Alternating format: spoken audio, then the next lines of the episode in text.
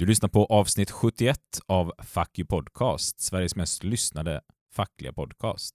I dagens avsnitt ska vi träffa Dan Hasson, forskare och författare, som bland annat har doktorerat i stresshantering och hälsopromotion vid Uppsala universitet. Idag är han anknuten forskare till Karolinska institutet och Mayo Clinic i USA. Det här är ett avsnitt som passar perfekt att lyssna ihop med HR, förhandlingsdelegation, skyddsombud eller liknande eller bara på golvet när man står och arbetar. Så följ med oss nu när vi var i Stockholm och besökte Dan Hansson.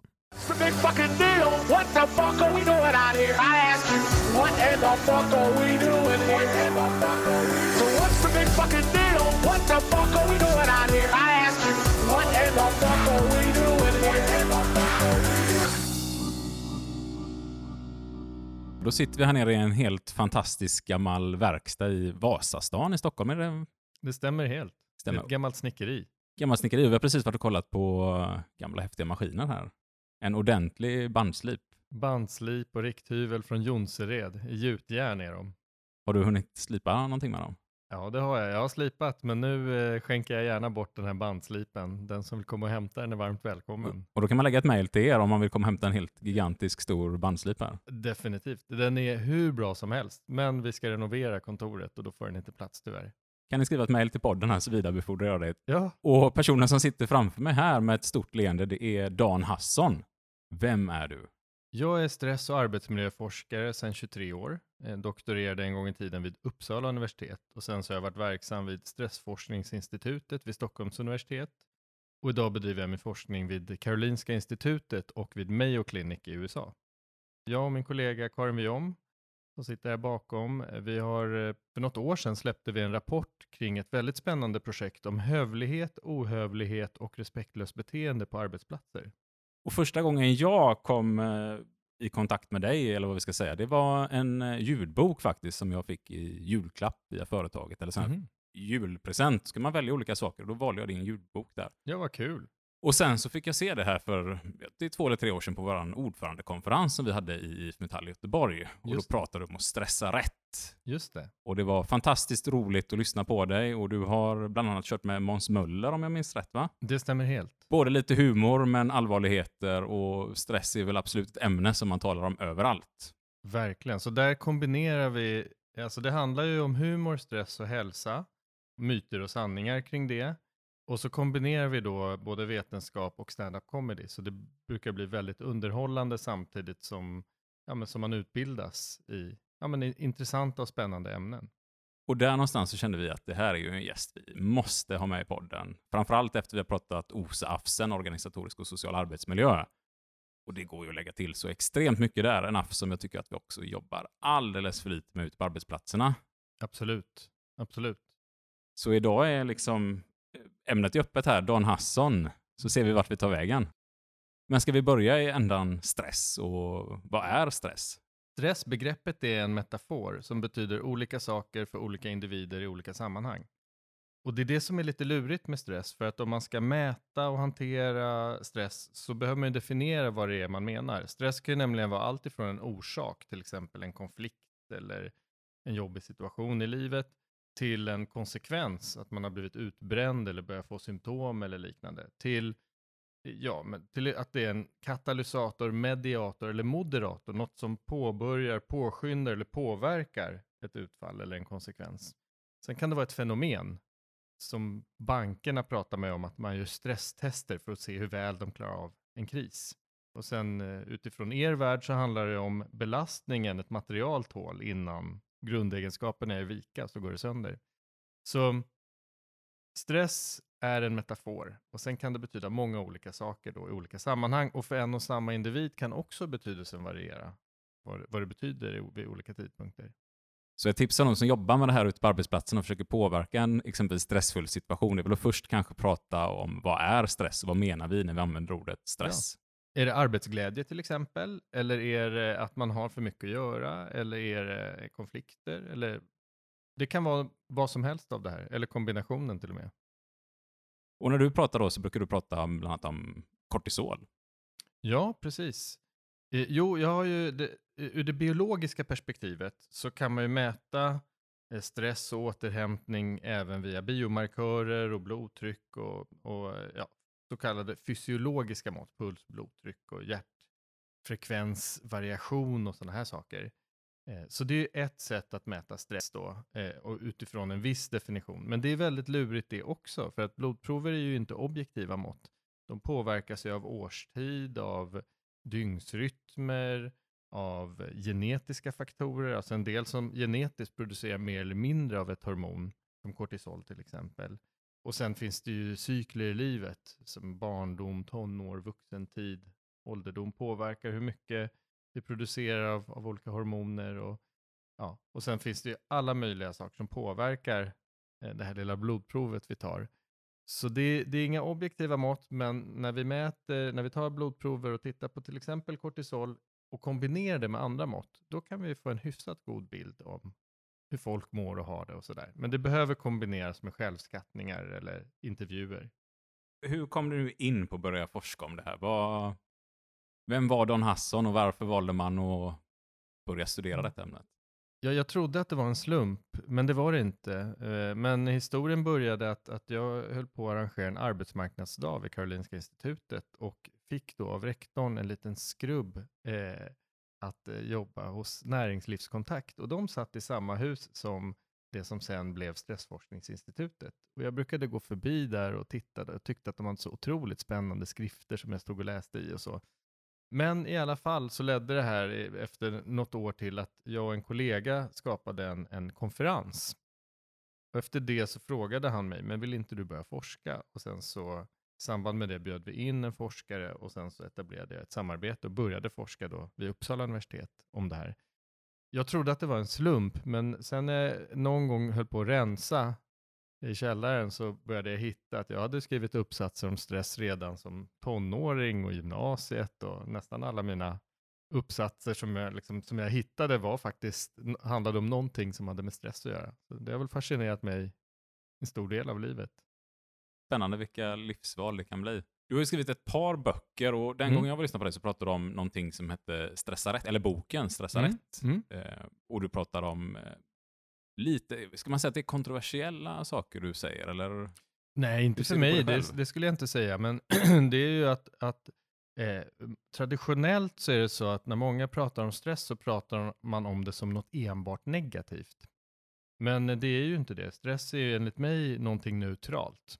Och sen kan det ju vara så att det gör att du blir starkare och mår bättre. Om du varvar stress med tillräcklig återhämtning så är det något som gör dig starkare och att du mår bättre och du ja, får bättre livskvalitet till exempel.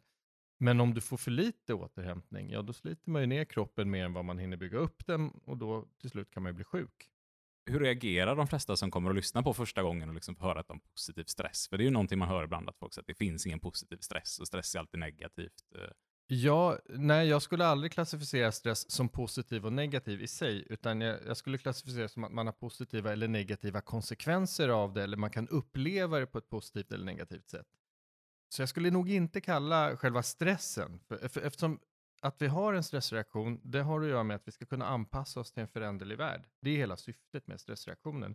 Utan den skulle vi ju inte liksom överleva eller ha livskvalitet. Så att om du behöver springa till bussen till exempel, om inte hjärtat skulle bulta snabbare och blodet omfördelas till musklerna och sådana här saker, ja, då skulle du missa bussen. För att man, man skulle falla ihop efter några steg. Så att vi behöver kunna anpassa oss och det är hela syftet med stressreaktionen. Det är poängen. Men så länge vi anpassar oss då kortvarigt så är det inga problem. Men när vi börjar anpassa oss långvarigt till en sjuklig värld, ja, då kan vi till slut få sjukdomssymptom. Så, men då, jag vill bara betona då att all långvarig stress utan tillräcklig återhämtning kan ju då på sikt bli skadlig. Men med tillräcklig återhämtning, ja, då blir vi ofta bara starkare av det istället. Och det är egentligen inget revolutionerande i sig. Det är som vilken budget som helst. Om du gör av med mer pengar än vad du får in, ja då får du problem med balansen till slut. Träna stressmuskeln är någonting du har eh, Exakt. pratat om. Jag har ett exempel på personer som ofta har för lite stress. Det är många av våra äldre.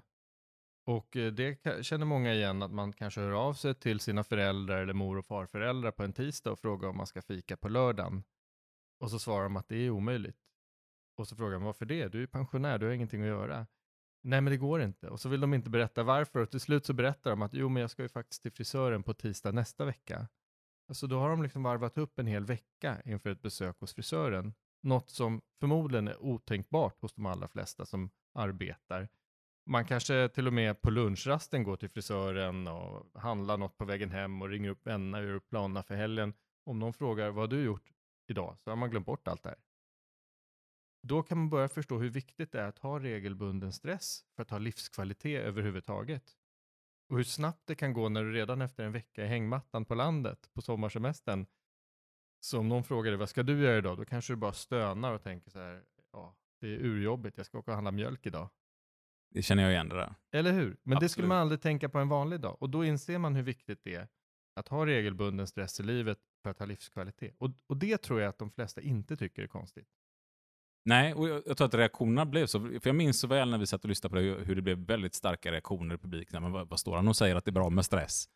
Eh, och jag själv är ju ändå uppväxt eh, med att eh, läsa mycket psykologi och tycker det här är väldigt spännande. Eh, och framförallt stress tycker jag är spännande. Jag är också en person som stressar Mm. alldeles för mycket, Mm. men också förstår hur viktig återhämtningen är för en. Så att, Mm. otroligt roligt att lyssna på. Kan vi, Mm. kan vi börja där någonstans om liksom, svenska arbetsplatser och, och Mm. stress? Mm. Hur bedömer du att vi har det i Sverige? Om vi ska, det är svårt att svara allmänt i Sverige, men om, om jag tittar generellt sett så är väl ett problem när man ska mäta stress inom citattecken då, eh, är ju att man inte har definierat vad det är man vill mäta och då ställer man frågor om stress, vilket enligt mig är det sämsta sättet att mäta just stress, för det säger ingenting om hur man mår. Jag har exempelvis eh, följt individer nu under liksom, två årtionden där man har svarat dagligen eller veckovis på enkäter där man eh, svarar då på hur stressad man är till exempel. Och ett exempel som jag brukar visa så är det en person som har svarat varje dag under ett år. Och i början så arbetar hon, sen blir hon sjukskriven för stressrelaterad sjukdom och ett år senare är hon tillbaka i arbetslivet. Hennes stressnivå, som dagliga stressnivå, den är i princip oförändrad vare sig hon arbetar, är sjukskriven eller eh, är tillbaka på jobbet. Och det innebär att man behöver sätta frågor om stress i ett sammanhang. När hon är frisk och arbetar, då kan stressnivån 55 av 100 tyda på att hon har ork och energi att fortsätta prestera. Mitt i sjukskrivningen, då betyder samma nivå kanske att hon inte orkar ta sig upp ur sängen ens för att hon mår så dåligt. Eh, och det gäller både stress och arbetsbelastning. De två måtten måste alltid sättas i ett sammanhang. Annars blir det vilseledande när man tittar på de här måtten. Och det, och det går väl lite att jämföra det med liksom, styrketräning.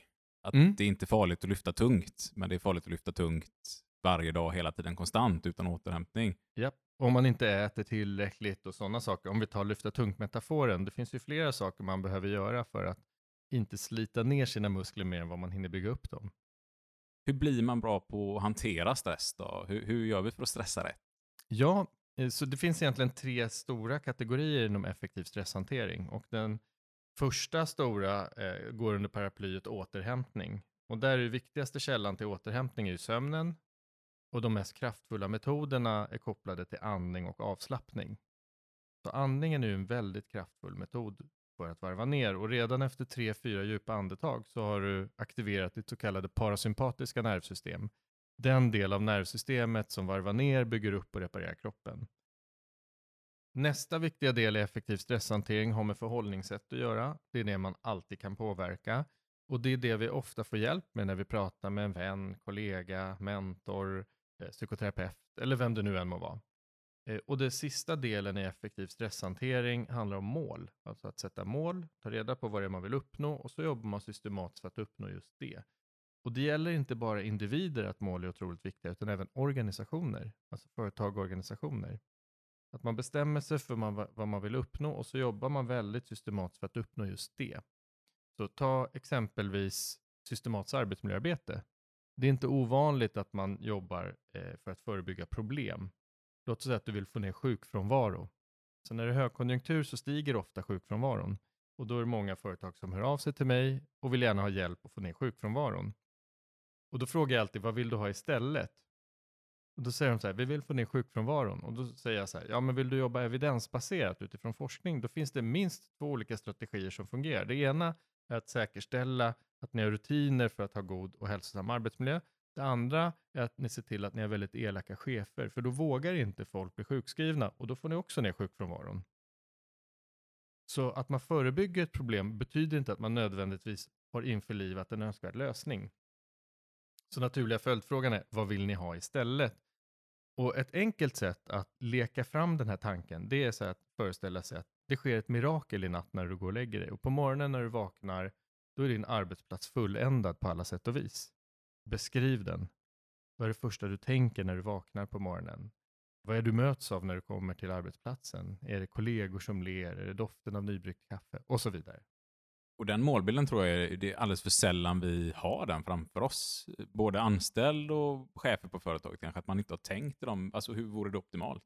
Ja, och det beror inte minst på att vår hjärna är byggd på att fokusera på hot. Och det är därför vi måste arbeta med det här medvetet. Vi behöver liksom aktivt jobba med mål. Men det är lite mer komplicerat än vad man kan tro att jobba med mål. Eh, för att man behöver särskilja mellan mål och önskemål. Önskemål är ju sånt som du inte vill lägga ner tid och energi för att uppnå. Medan mål är en väldigt strukturerad process där du jobbar. Eh, det här beskriver jag både i min bok Stressa rätt och i min senaste bok som heter Faktastisk, som handlar just om faktabaserad organisationsutveckling. Så för att ett mål ska vara ett mål i vetenskaplig bemärkelse, alltså det som har utvärderats i vetenskapliga studier, då måste man först testa, var det verkligen det jag ville uppnå eller var det en konsekvens tio led framåt till exempel? Det andra är att man behöver en strategi för hur man ska uppnå målet. Och sen det sista är att man behöver ha en, ett engagemang, alltså man behöver göra någonting. Utan de här tre, alltså mål, strategi, engagemang, så är det bokstavligt talat inget mål. Och jobbar man då med en organisation så kan man till exempel mäta engagemanget innan man genomför en förändringsinsats genom att mäta förändringsvilja. Alltså finns det en beredskap och en vilja bland personalen för att genomföra den här förändringen? Det finns mått för att ta reda på det. Om förändringsviljan är låg, ja då vet man att det kommer bli svårare att genomföra förändringen, för en del kanske kommer motarbeta den rent av. Men om förändringsviljan är hög, ja då, har man ju, då behöver man inte spendera lika stor tid på förankring. Då kan man egentligen bara börja köra. Och mycket i den här podden hänger väldigt mycket ihop med varandra. Jag tänker på att när vi pratar om det här med målsättning och, mm. och sätta konkreta mål, så har vi ganska nyligen spelat in ett helt avsnitt som handlar om hur vi kan konkretisera mål mm. och göra riktiga mål som är alltid påverkningsbara. Jättebra. Och sen kommer vi in på nästa frågan här. Om mm. personalen mm. nu känner att Nej, men jag trivs inte här, jag, jag vill mm. nästan illa om företaget som, som det faktiskt mm. finns på en del arbetsplatser, för mm. att man inte känner sig som en del av företaget. Man känner att man bara är en, en siffra som går till jobbet. Så har vi pratat väldigt mycket MBL om att grundtanken med medbestämmandelagen var att alla anställda ska känna att men jag kan påverka min arbetsplats. Jag är en del av det här samhället. Jag är en del av arbetsplatsen. Och jag tror att når man till botten med MBL och gör att man känner sig delaktig så kommer mm. det finnas den här förändringsviljan på arbetsplatsen. Så att mm. Eh, mycket av det du pratar om nu hänger ihop för att få allting att rulla runt. Och, och, man märker hur både forskning, politik och arbetsmarknaden verkligen, det hänger ihop all, allting här. Ja men absolut, och det är ju ganska tydligt uttryckt att dialog och delaktighet, det är lagstadgade krav inom arbetsmiljölagen som du är inne på. Så att man behöver föra dialog och få förankring. och det vi brukar göra när vi jobbar med olika företag och organisationer, eh, det är just att, att medarbetarna ska komma med förslag på åtgärder som cheferna sedan bedömer. Och att det blir ofta bättre, eller juridiskt mer korrekt om inte annat, än när chefer kläcker förslag och försöker gissa vad medarbetare vill ha och förvänta sig. Det är nämligen ett omöjligt uppdrag idag när arbetsplatser består av olika kulturer, olika generationer och därmed också helt olika förväntningar och behov. Eh, så det går inte. Så, så man, chefer kan ju komma fram med jättebra förslag, som att man ska onsdagsfika och, och åka på konferenser, men det kanske inte är just det som medarbetarna behöver. Då är det bättre att ställa frågor direkt till medarbetarna. Vad kan du göra för att till exempel säkerställa att du har arbetsglädje? Vad kan dina kollegor göra? Vad kan jag som chef göra? Vad kan vi som organisation göra? Och då får man konkreta förslag. Då kan man sedan bedöma förslagen och komma tillbaka till medarbetarna och säga det här kan vi faktiskt genomföra på en gång. De här förslagen på medellång sikt och de här på lång sikt. De här förslagen däremot kommer vi aldrig kunna genomföra, så de förväntningarna behöver vi ta bort. Och då har man ju faktiskt arbetat till punkt och pricka i enlighet med arbetsmiljölagen. Och man har dokumenterat sin dialog och delaktighet också. Den är ganska fantastisk, vår arbetsmiljölag. Eller hur? Den, ja. den är verkligen det. Ja. Uh, när, man, när man förstår hela syftet med den. För vissa delar ja. kan ju kännas onödiga eller komplicerade eller som att det bara tar tid. Men när man väl förstår syftet med det så, så blir det ju så logiskt. Som när du säger det nu så känns det som en sån extrem självklarhet. Ja, där eh, vi snart förhoppningsvis kommer ut med lite ny forskning som, som kanske gör att en del av arbetsmiljölagen kommer behövas eh, förhoppningsvis ändras lite grann. Den som har med OSAN att göra, organisatorisk social arbetsmiljö, det har just med synen på arbetsbelastning. Eh, och ett problem just i den här eh, fina lagen som egentligen i grunden så har man ju, jag, jag, gillar att man använder ordet ohälsosam arbetsbelastning och att man inte skrev hög arbetsbelastning. För det eh, visar vi i vår nya studie som är helt världsunik, att just hög är snarare förknippad med positiva utfall systematiskt under två års tid när vi mäter på veckobasis i både hälsa och psykosocial arbetsmiljö. I genomsnitt ska vi då säga. Så för vissa tyder det också på risk för ohälsa, men för majoriteten tyder det på god, eh, god hälsa. Medan vi då kan se att eh, lägre arbetsbelastning kan också vara förknippad med två olika saker. Att det är lugnt, alltså inget konstigt, god hälsa, eller att man mår så dåligt så att man eh, faktiskt inte orkar jobba hårt längre. Enligt mig så är det ju där vitesföreläggandet ska in, alltså att man mår dåligt på grund av arbetsrelaterad ohälsa, då kan man motivera ett vite. Men om man vitesförelägger en organisation för att man har hög arbetsbelastning, finns risken att man får betala böter för att personalen mår bra i värsta fall. Och det blir en rätt så osäker tillämpning av lagen. Så det är oerhört spännande resultat som vi kommer ut med. Men det finns även en annan aspekt och det är hur ohälsosam arbetsbelastning har definierats, att det är väldigt luddigt. Där man säger att det är hög arbetsbelastning, mer än tillfälligt och utan tillräcklig återhämtning. Och då behöver man ju först definiera vad är hög, vad är mer än tillfälligt och så måste man ju dessutom se så här, för varje individ, är det här i relation, alltså hur är återhämtningsförmågan hos den här individen? Det är ett nästintill omöjligt uppdrag eh, om man inte vet precis hur man ska mäta det här. Vilket vi i och för sig då gör med våra kunder, men där tittar man ju aldrig på resultat på individnivå, utan det är alltid på gruppnivå.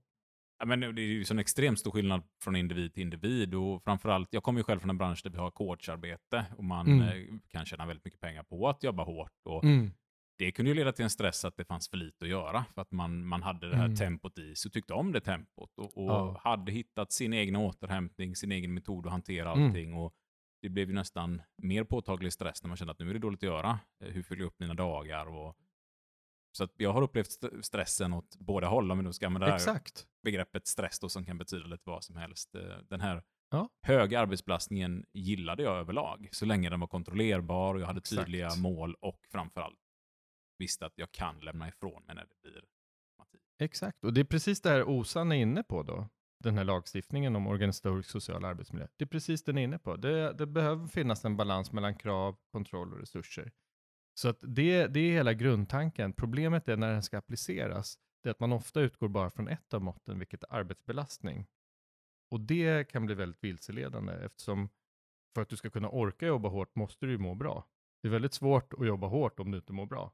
Precis, och jag brukar tycka det är kul att dra saker till sin spets. Och så kan man väl tänka på en elitidrottsman eller idrottskvinna mm. som, som sysslar med extremidrott och tycker mm. att det är det roligaste som finns. Mm. Och då är ju inte den höga arbetsbelastningen det minsta problemet, utan tvärtom Nej. kanske det som driver den i vardagen.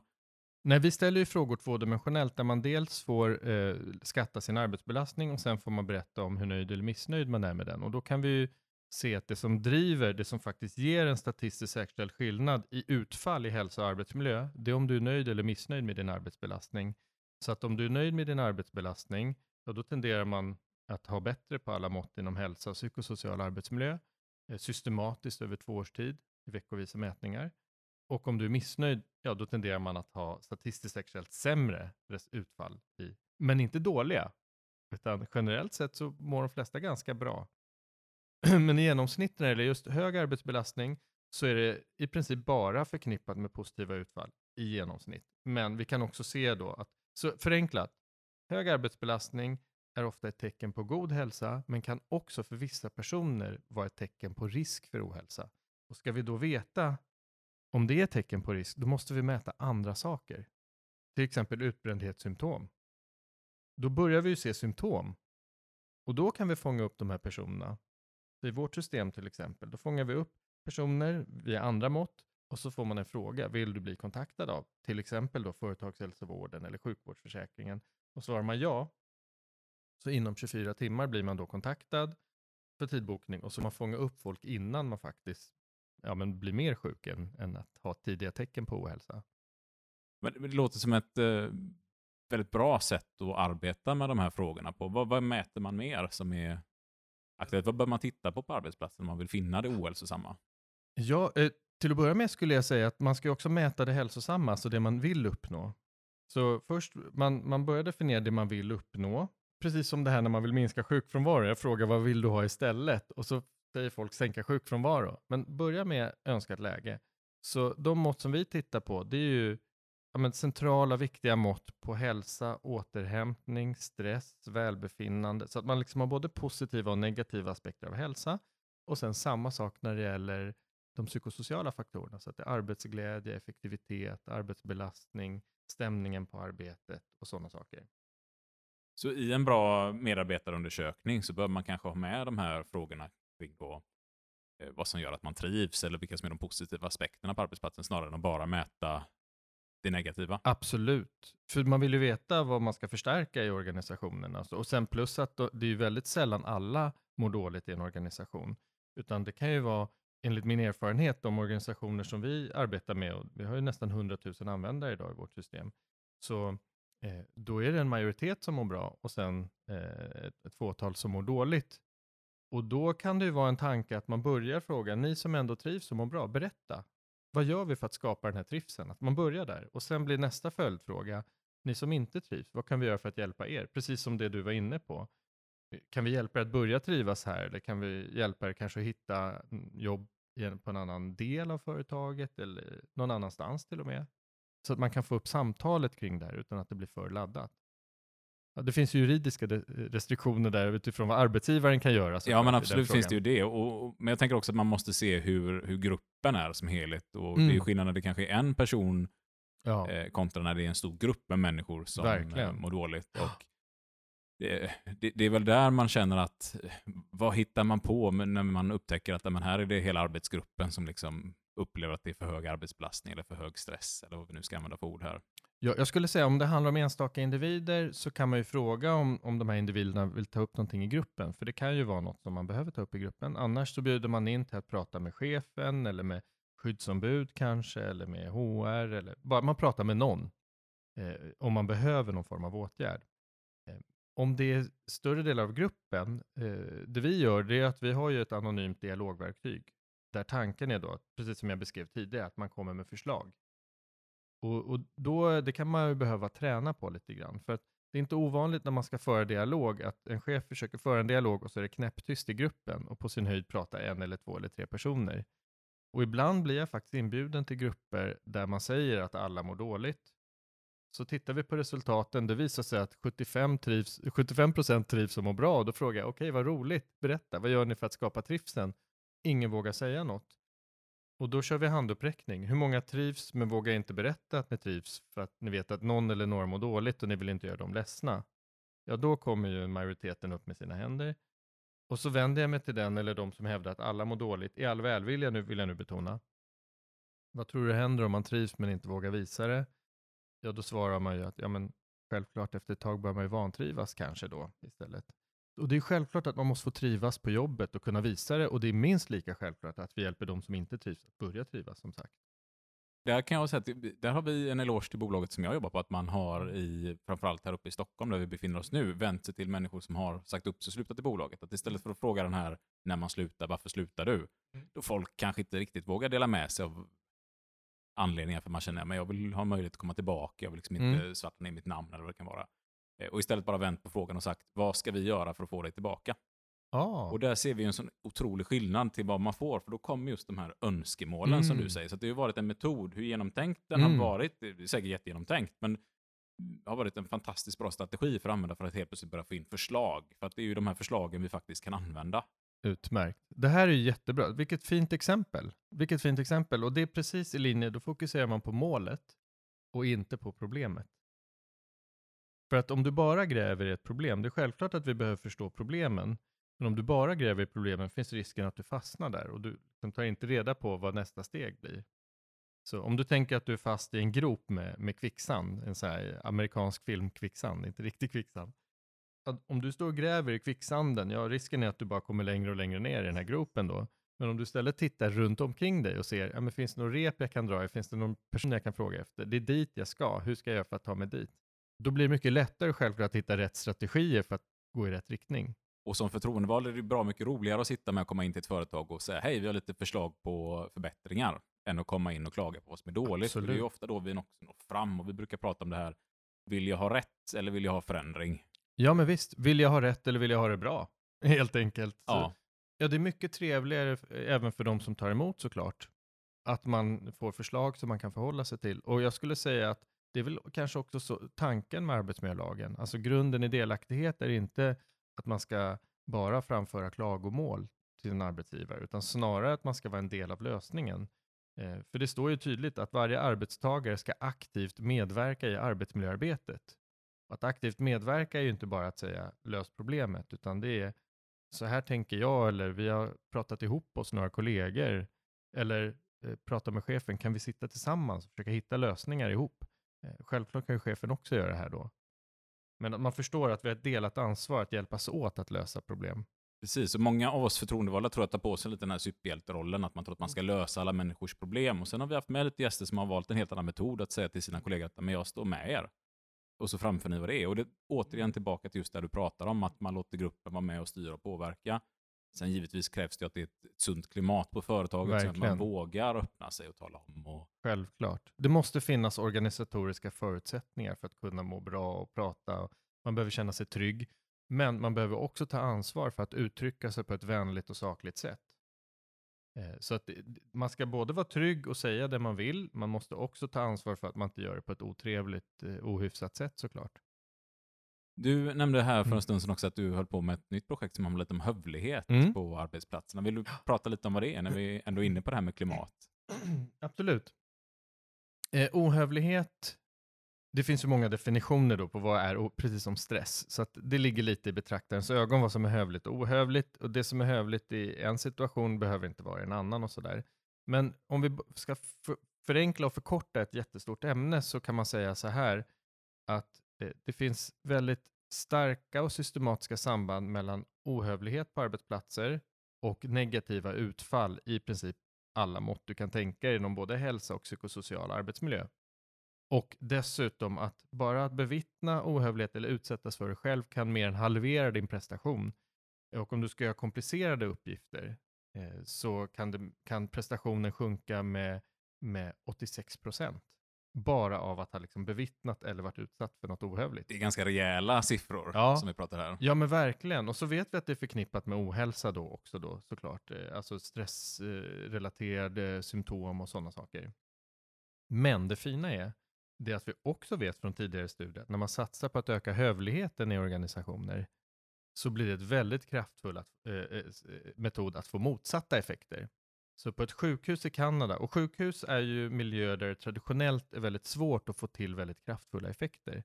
Men på ett sjukhus i Kanada genomförde man en metod för att öka hövligheten. Jag kan snart säga vad, vad man gjorde, men först effekterna. Det som hände av den här väldigt enkla metoden var att relationer förbättrades, Stressrelaterade symptom minskade, alltså symptom på utbrändhet minskade, avsikten att sluta minskade, samtidigt som engagemang och arbetsglädje ökade. Tillit till ledningen ökade. Sjukfrånvaron på sjukhuset minskade med 38 procent av en väldigt enkel insats för att öka hövlighet. Och då kan man tänka sig, vad var det man gjorde? Det måste ju ha varit något komplicerat när man får så här dramatiska effekter. Nej, det var något så enkelt som att man på, man utbildade eh, processledare centralt på det här sjukhuset som på arbetsgruppsnivå, och här i ligger hemligheten, lägsta arbetsgruppsnivå, så hade man seminarier minst en gång i månaden. Där man pratade om vad är hövligt, vad är ohövligt i den här arbetsgruppen, vad gör vi om någon är ohövlig och så lite utbildningar kring det här med hövlighet och ohövlighet. Det var enda insatsen och det gav alla de här dramatiska effekterna man skapar kanske lite empati och förståelse för varandra och vad vi tycker ja. och har för preferenser. Och...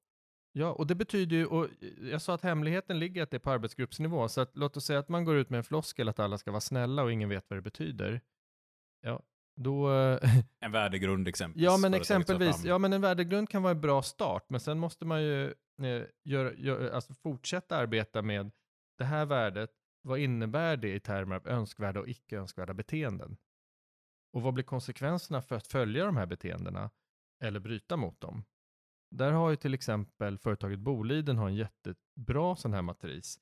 Så här förstärker vi positiva önskvärda beteenden, konsekvenser. Det här är riskbeteenden, alltså gul färg och sen eh, trafikljusmodell har de då, så röd färg. Det här är säkerhetsrisker som, där till och med en erinran direkt om du gör det här, för du försätter dig själv eller andra i, i fara. Men det är klart och tydligt för all personal och man Ja.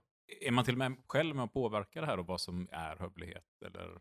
I, ja, i den här studien så var ju precis det man gjorde. Så, och det var just det som är saken, att i en arbetsgrupp kan ju en sak vara hövligt eh, eller ohövligt och en annan, så låt oss säga att, ja men säg råa skämt. I en arbetsgrupp så kanske det är till och med nödvändigt för att det är en väldigt tuff miljö och det är ett sätt att ventilera. Och då är det okej tills någon tycker att det inte är okej.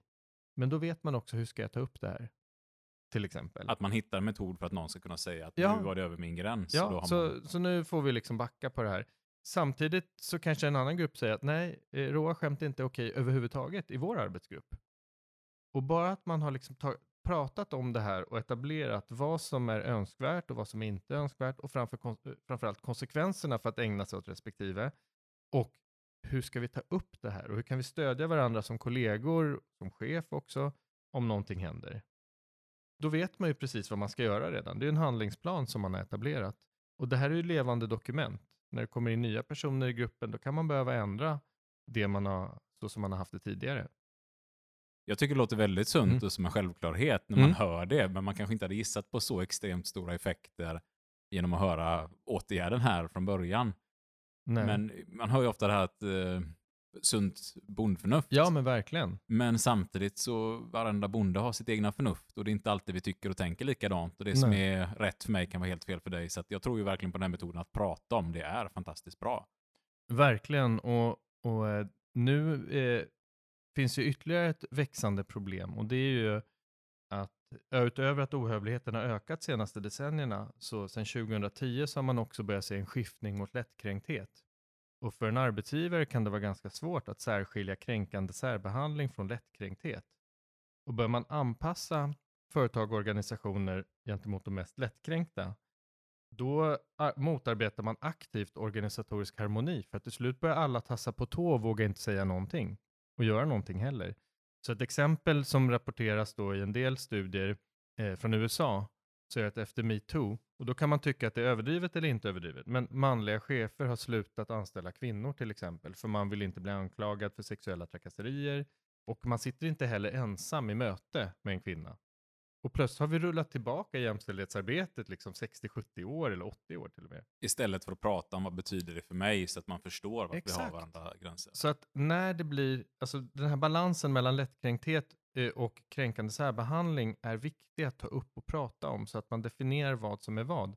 För att eh, lättkränkthet innebär att man utvidgar definitionen av vad som är kränkande och att eh, i slutändan så behöver du visa att du inte har kränkt mig. Istället för att jag ska visa att du faktiskt har kränkt mig så behöver den påstådda förövaren visa att den inte har kränkt, vilket ju är omvänd bevisbörda. Och när vi ska koppla det till psykologisk trygghet så eh, vill man ju inte bli oskyldigt anklagad för att vara förövare, men man vill inte heller bli oskyldigt anklagad för att vara lättkränkt. Och det är därför man behöver prata om det här och definiera det i förväg. Och då blir det lättare att jobba med beteenden istället för att säga att den här personen är på det här eller det här sättet. Sen kan man nästan ha lite meta där, att man blir ju liksom lite lättkränkt för att någon är lättkränkt. Och då kan man diskutera, det kanske är ännu mer lättkränkthet. Och återigen, pratar man om det så tycker jag att man nästan i varje situation reder ut att ja, men det fanns inget syfte att kränka. Eh, nu har jag förstått hur du uppfattar situationen och Ja. förstår att mitt beteende kanske faktiskt kan skada andra. Eh, och efteråt brukar det inte vara så sura miner från något håll om man faktiskt tar upp och pratar om det. Men ser man på internet idag så kan man ju verkligen se diskussioner spåra ut fullständigt eh, från minsta lilla tänkbara. Ja, och det som ligger till, till grund för det här mycket handlar ju om offermentalitet, alltså att man tävlar om vem som är mest offer. För idag kan det innebära socialt kapital att inta en offerroll. Och det finns ju då personer som verkligen har blivit utsatta för någonting, alltså verkliga offer om vi uttrycker det så. Eh, och eh, de, alltså det är väldigt orättvist mot dem när personer utmålar sig som offer utan att vara det. Eh, Det finns till och med en gren i, inom forskningen nu som börjar titta på den så kallade mörka triaden, alltså personlighetsstörda individer, narcissister, psykopater och machiavellister, och hur man sätter i system att utmåla sig som ett offer för att få ekonomiska och karriärmässiga fördelar. Eh, och där har vi ett konkret exempel i Sverige, den här Kapten Klänning, den här polisen som kämpade för jämställdhet på arbetstid och på fritiden så var han bestialisk mot kvinnor. Där har vi ett sånt hemskt exempel på hur det missbrukas. Han fick ju en enorm karriär för sitt jämställdhetsarbete. Sånt här händer eftersom du får idag direkt en maktposition genom att du utmålar dig som offer. Inte säkert att du är det, men genom att du utmålar det. Det blir obehagligt, för att om jag skulle säga till dig till exempel så här, ja men nu sitter du och tittar på mig för att jag är flintis och du objektifierar flintskalliga män till exempel. Ja, då skulle du kanske tycka att det var lite obehagligt och skulle du säga så här, nej, nej, nej, jag har jättemmånga flintskalliga vänner och jag polerar flinter Kolla på mig, helger jag har ju nästan också flint. Säger Nej, det skulle jag inte mig, säga. Du liksom. har ju verkligen mycket att ta av jämfört med mig. Eh, Men låt oss säga att du sen var lite mer respektfull, så tittar du ner och då kan jag istället säga så här, ja men vet du vad, nu tittar du inte på mig för att nu äcklas du så mycket av mig så att du inte ens kan titta på mig. Så hur du än gör, så gör du fel och ofta känner man ett behov av att försvara sig som du var inne på. Men, ja men ett bättre svar som du också var inne på, det är i sådana fall att säga så här, men vet du vad, det här stämmer inte. Men berätta för mig, vad får dig att tro att jag äcklas av eller objektifierar flintskalliga män? För att principen är, jag kan ju inte läsa dina tankar, men jag påstår mig kunna göra det. Och sen kräver jag att du ska försvara dig mot min föreställning som jag har hittat på. Och det blir ganska orättvist. Och det är väl där någonstans också debatterna flyger iväg och hamnar lite fel när vi väl alltså, kan se det som faktiskt finns i samhället som faktiskt är ett stort problem om jämställdhet och så hamnar debatten på helt fel ställe där man sitter och diskuterar kanske individer eller Ja. småfrågor istället för att ta tag i de faktiska problemen. Ja, det jag vill hävda det är att vi ska fokusera på vad vi ska uppnå ihop, Mm. inte vad som skiljer oss åt. För att om vi hela tiden betonar varför vi är olika och varför den ena eller andra ska ha fördelar eller liknande, då polariserar vi oss istället och börjar dela in oss själva i olika grupper. Vi ska ju istället säga så här, oavsett vem vi är, vilken bakgrund vi har, vilken diskrimineringsgrund vi kommer ifrån, så är det här vi ska uppnå tillsammans. Hur gör vi det på bästa sätt? Alltså vi ska minska olikheterna på det sättet att vi har ett gemensamt mål och att vi självklart accepterar varandra. Och det tror jag är mycket bättre approach. Och då går vi tillbaka till ja, men ditt företag som du beskrev. Vad kan vi göra för att få tillbaka dig? Man fokuserar på målet. Man fokuserar inte på problemet. Lista alla problem till varför du slutade. Och, och lite tillbaka, vi, brukar, vi har pratat eh, Marsha Rosenbergs nonviolent communication, att Mm. återigen i förhandlingsteknik, fokusera inte på problemen utan vad är det för lösningar vi kan hitta? Vad är det för behov vi har? Hur tillgodoser vi varandras behov?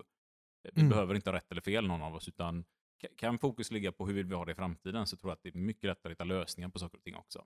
Men det är ju lätt att fastna i att man letar problem och hittar problem om man inte mår så bra själv också.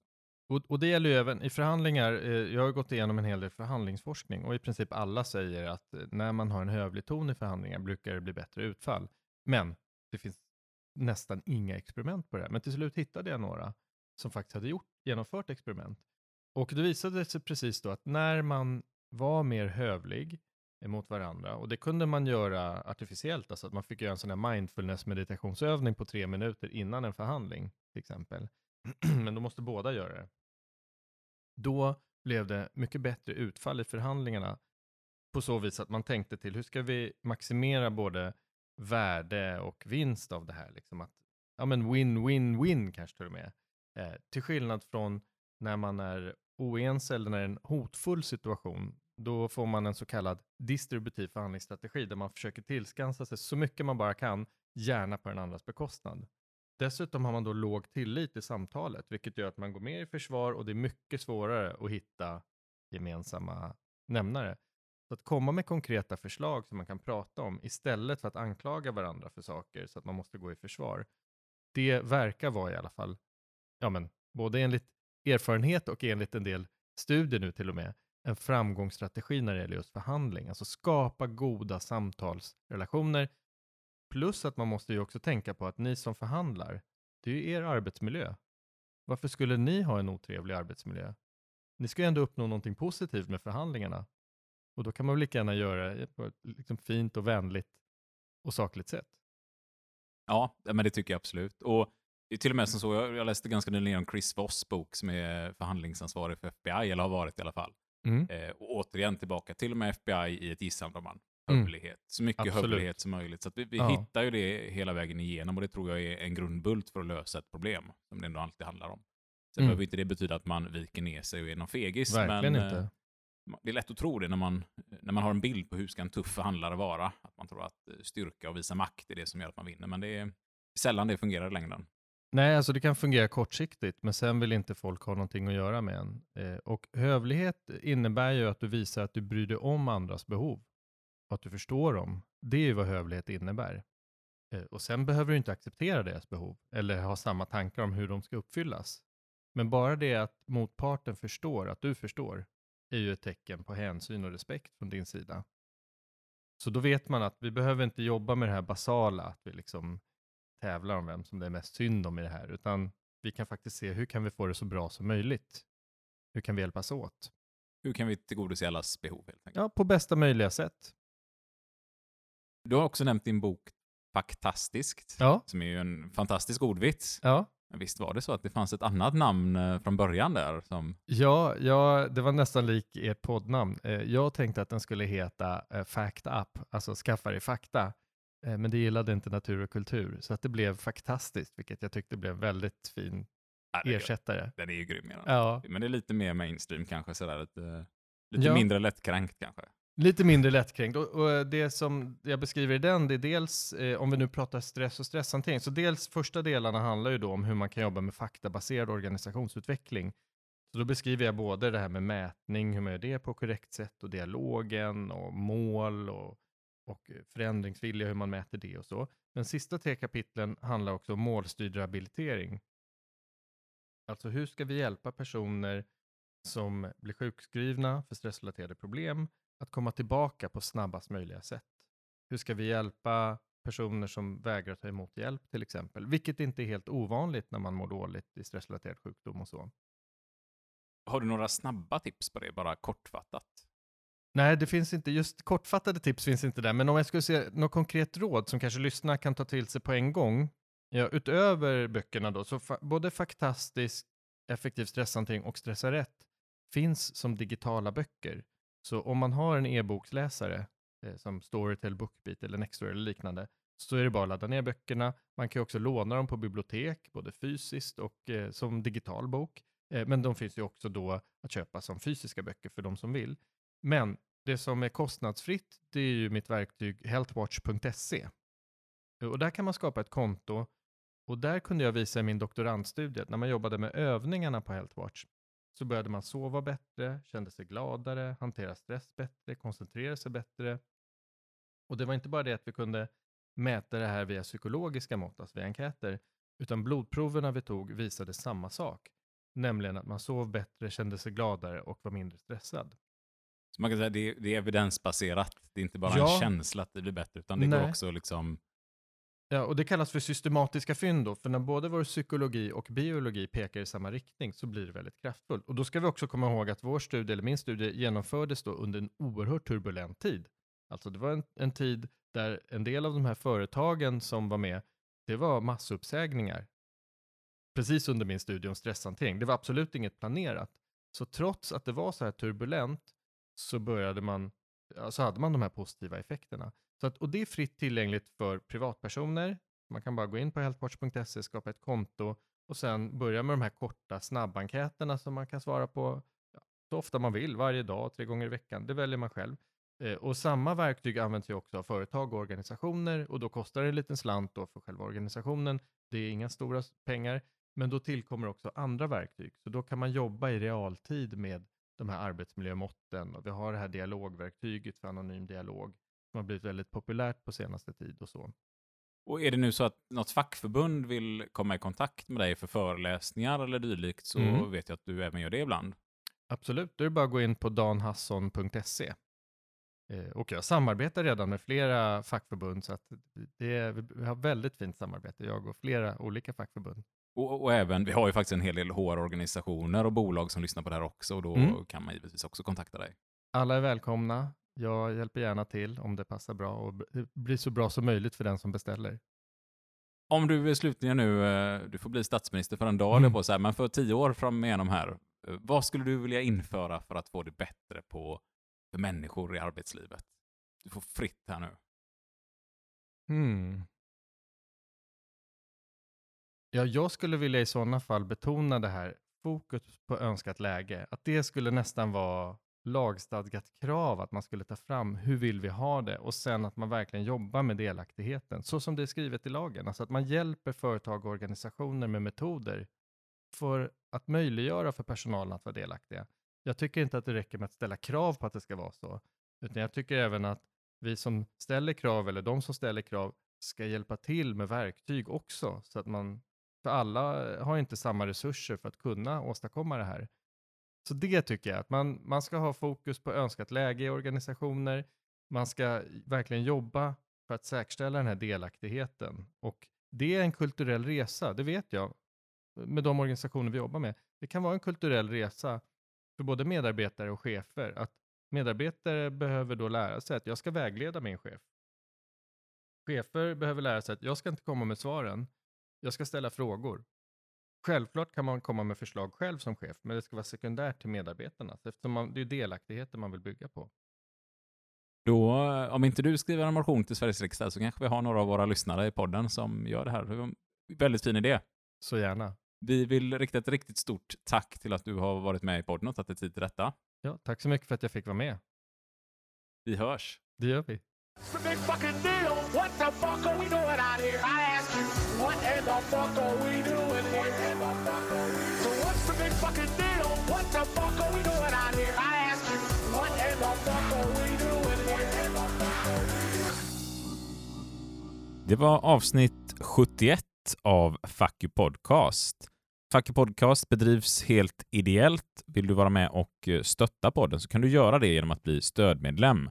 Det gör man genom att swisha in en valfri medlemsavgift på 123 09 084 26.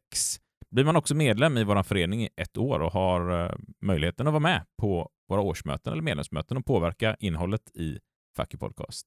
Alla bidrag gör stor skillnad för att vi ska kunna åka runt och intervjua intressanta gäster. Vi vill dessutom passa på att eh, lyssna på avsnitt 68, Missa aldrig ett mål, när vi ändå i det här avsnittet var inne på just det här med målsättning och vikten av att man sätter upp relevanta påverkningsbara mål så man faktiskt kan agera och göra någonting. I övrigt så har vi fått två stycken böcker signerade av Dan Hasson.